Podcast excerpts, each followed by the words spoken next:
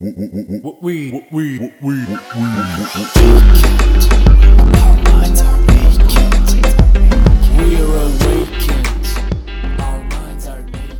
svima, ja sam Martina Đokić, a vi slušate podcast Mentalni nudista. Nalazimo se u 21. epizodi sezone 2 i u ovoj epizodi govorit ću malo o tome u kojoj kategoriji se mi nalazimo i da li smo svjesni da se nalazimo u toj kategoriji, a kad pod kategorija mislim na to u kakvom smo okruženju s kojim se poredimo, pa mi u tom okruženju postajemo neka kategorija, da li smo napredni ili nazadni ili prosječni, iznad prosječni i tako dalje. Tako da pod to, uh, to svrstavam ono što hoću da kažem kada pričamo o kategorijama. I opet crpim inspiraciju iz svih ovih iskustava koje trenutno prolazim a namjerno sam i ostavila sve ove epizode da ih snimam dok prolazim ova iskustva jer sam znala da ću imati neke nove perspektive koje želim da dijelim, iako sam imala opciju da unaprijed sve ovo snimim. Tako da, hajde da se još malo inspirišem ovim čuvenim Tenerifima i ovim gdje sam ja zabasala i kroz kakva neka iskustva ja prolazim. E, prije svega, e, ono što se često dešava je da mi prosto u nekom svom okruženju zauzmemo neko svoje mjesto i negdje sebe svrstamo. U odnosu na neke ljude smo možda malo napredniji, ambiciozni, prodorni, kako god. U odnosu na neke druge možda se osjećamo malo nazadnije, možda se osjećamo malo, ne znam, manje proaktivno, ali negdje vidimo gdje smo mi u nekom svom okruženju. Neki od vas su u svom okruženju vrlo, vrlo napredni i nekako ste ono u kategoriji najboljih, neki od vas možda nisu nikad osjetili to da su najbolji u nečemu, ali suština je negdje mi imamo neke te referentne tačke koje uglavnom dolaze iz našeg okruženja i na osnovu tih tačaka mi negdje sebe vidimo u tom kontekstu ko smo i gdje smo mi. E tako i ja, jeli, od uvijek sebe gledam kroz taj neki kontekst okruženja u kojem se nalazim i ono što mi se dešavalo je da promjenom tih konteksta dođe do potpune promjene moje percepcije mene, a često se to dešavalo na neku štetu moje percepcije mene, jer, na primjer, kada sam iz Banja Luke, u kojoj sam se osjećala svoja na svome, u kojoj sam negdje, da kažem, u nekim stvarima bila super zanimljiva, karakteristična, autentična, možda čak i napredna, presela sam se odatle u Beograd, e, tu me dočekalo sve onako megalomanski, mnogo veći u odnosu na Banja Luku, veći standardi, veći zahtjevi, veće tržište, veća, veća konkurencija i tako dalje. I samim tim se moja naprednost pretvorila u mojim očima tada u neku ispod prosječnost, jer prosto kada, do, kada sam došla na taj veći teren, ispostavilo se to što, je, što sam ja u svom gradu nešto postigla na ovom terenu nije ta napredna kategorija, nego je neka osnovna. Isto mi se desilo sa Bečom, kada sam se preselila iz Beograda u Austriju, uh, odnosno sa samog Balkana u, u evropsku zemlju, koja je tako, da kažem, razvijenija. Ja se sjećam da sam ja dugo mislila,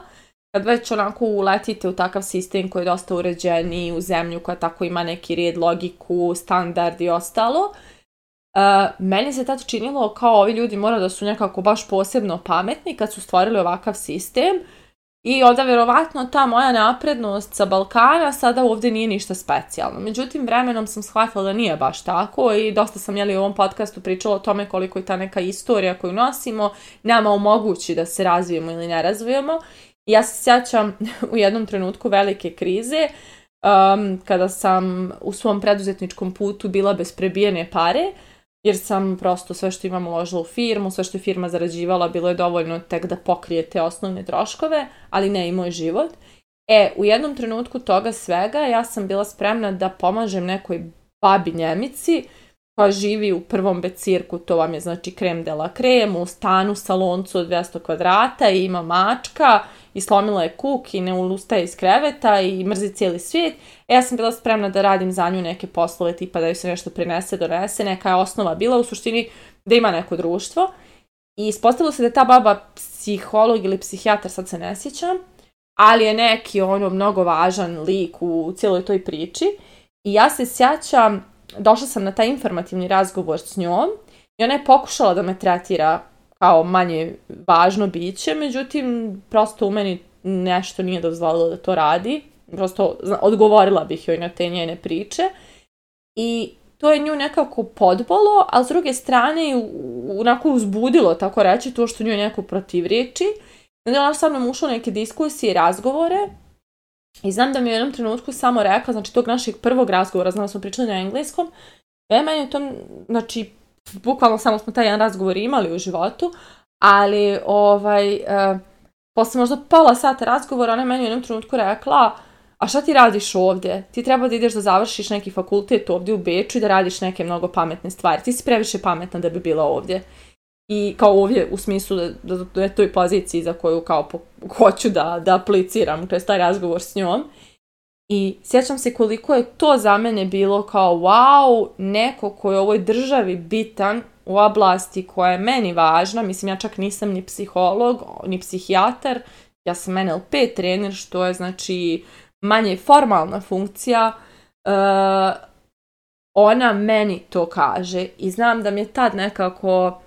baš otvorilo mi se, otvorili su mi se vidici kad sam shvatila da moja pamet parira pameću ljudi koji su tu i da nisam nazadna iako se nalazim u nekom naprednijem okruženju. Tako da, ali eto, ta moja uvjerenja su očito bila nazadna pa su me držala u tom nekom stanju. Tako da, u suštini,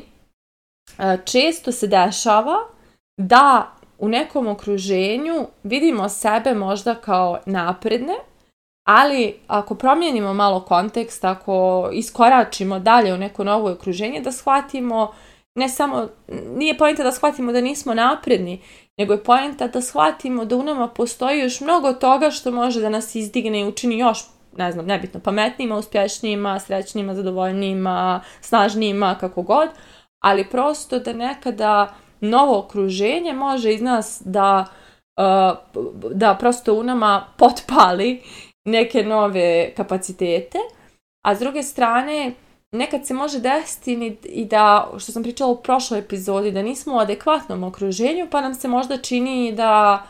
nismo baš ono, dobra osoba u nekim stvarima ili možda neka naša razmišljanja nisu baš najpametnija, samo zato što se nalazimo u kontekstu u kojem ta neka e, razmišljanja ne piju vode. Tako da ovaj, e, to provjeravanje nas, kakvi smo u kontekstu, jako zanimljiv proces može da bude. I evo hoću da vam podijelim baš iskustvo sa polumaratona. Znači kada sam ja odlučila da trčim polumaraton, da se razumijemo, znači u mom okruženju nisam jedina, ima mnogo ljudi koji trče polumaraton, ali ja kažem u nekom užem krugu ja sam možda ovaj, Mm, ono, nije, nije česta pojava da neko trči polumaraton. I obično je iskustvo bilo kada pričam s ljudima pa im kažem da trčim polumaraton, da se pripremam za polumaraton, bilo je kao wow, cool, wow, ti ćeš stvarno stečati 21 km, wow, wow. I ja sam se tu osjećala puno moćno, kao vidi mene, ja sad to nešto mogu, kako sam ja za Boga napredna, jel? I onda dođem na polumaraton gdje je bilo, mislim, nekih 4-5 hiljada ljudi. Znači, pritom ovaj maraton na kojem sam ja trčala je mali, tipa u Beču bude 20.000 ljudi. Ali dobro, i na, u malom je mjestu, na, manjem, na manjoj lokaciji i tako dalje. I, e, znači, bilo je oko četiri, ja mislim, hiljade ljudi. I sad dođemo, dođem tu, u taj kontekst. Ispostavi se, ne da nisam napredna, nego sam tek zakoračila u prosjek. Jer u toj masi stoji čovjek koji nosi majicu na kojem piše da je u klubu 100 plus istrčanih maratona. U tom istoj masi stoji čovjek od 60 kusur godina koji trči bos, cijeli polumaraton. U toj istoj masi e, nas obilazi i odlazi da zauzme prvo mjesto čovjek koji završava svoj maraton, dok mi trčimo još uvijek polumaraton. A taj čovjek to radi sa sve osmijehom. Znači, u toj istoj masi prosto vidite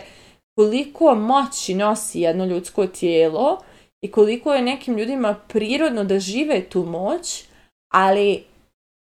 ja se jel ne poredim s takvima, nego sam se poredila sa ljudima koji uglavnom ili su malo fizički aktivni ili imaju neki, da kažem, standardan e, sistem fizičke aktivnosti ili nisu uopšte fizički aktivni, više sjede za kompjuterima, ne hrane se zdravo i tako dalje.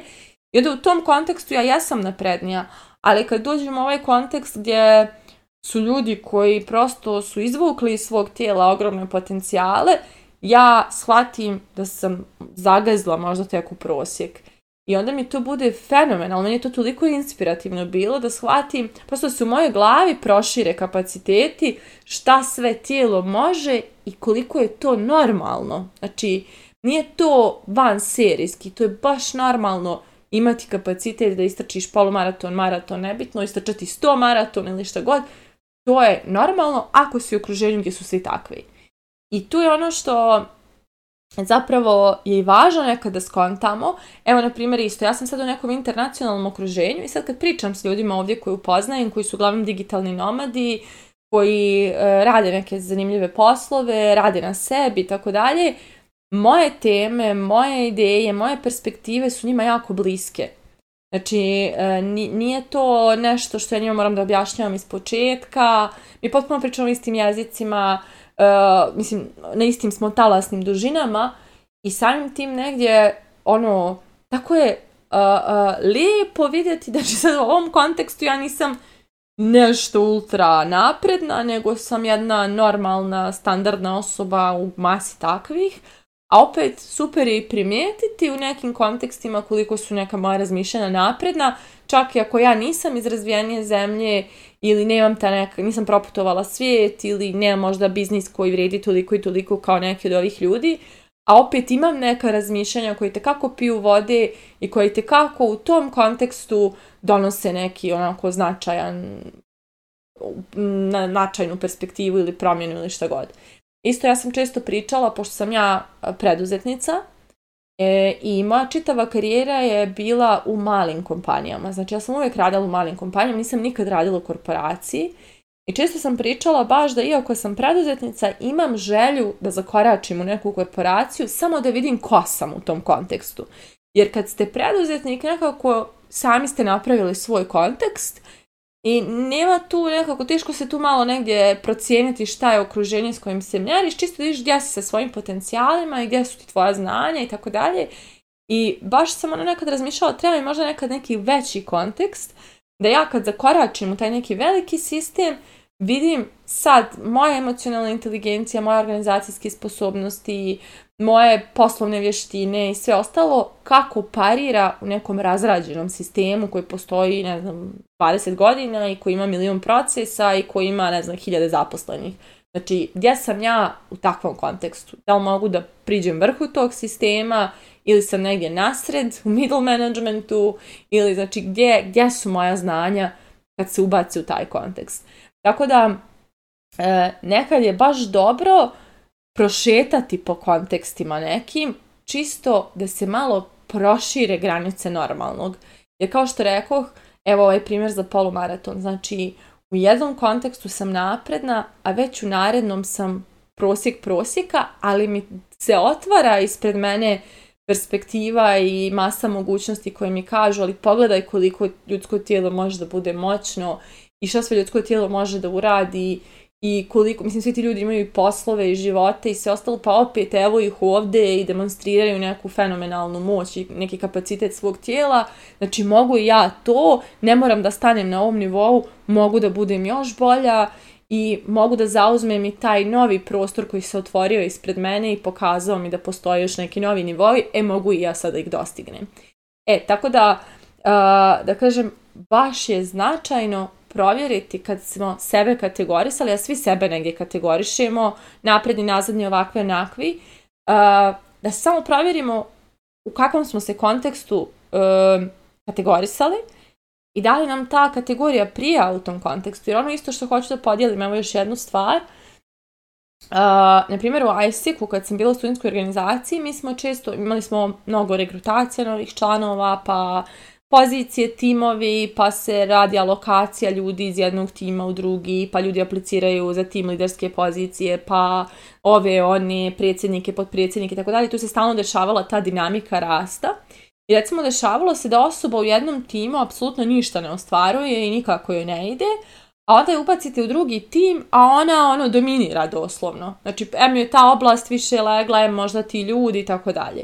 onda što hoću da kažem, često nas i te kategorisanja, neka negativna koja imamo o sebi, zapravo drže tu jer smo možda samo u kontekstu koji nam nije inspirativan da bismo se razvili na novi nivo. Pa onda bi bilo super dati sebe u neki drugi kontekst pa se tu provjeriti gdje smo.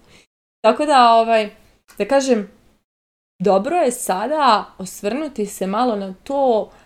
koje smo kategorije sve sebe svrstali i kako možemo da se unaprijedimo u tim kategorijama. Znači ako smo u nekim poljima, u nekim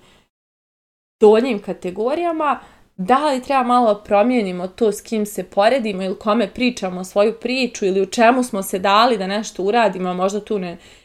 tu nije, neko naše suštinsko interesovanje, nego sebe guramo da to radimo zato što, eto, to tako treba ili imamo tu diplomu ili šta god. Mislim, možda smo sebe svrstali u prosjek zato što smo se ugurali u kontekst u koji nije nama prirodan.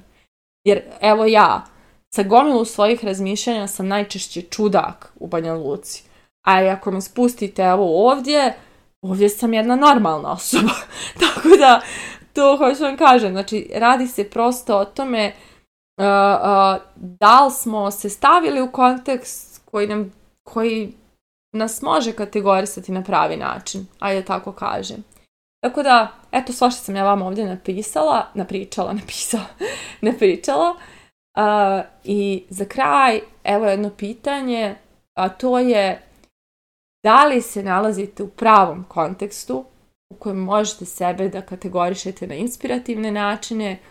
ili ste se zaglavili u nekim kontekstima u kojim ste u baš nepovoljnim kategorijama. Mislite o tome, a mi se družimo u narednoj epizodi.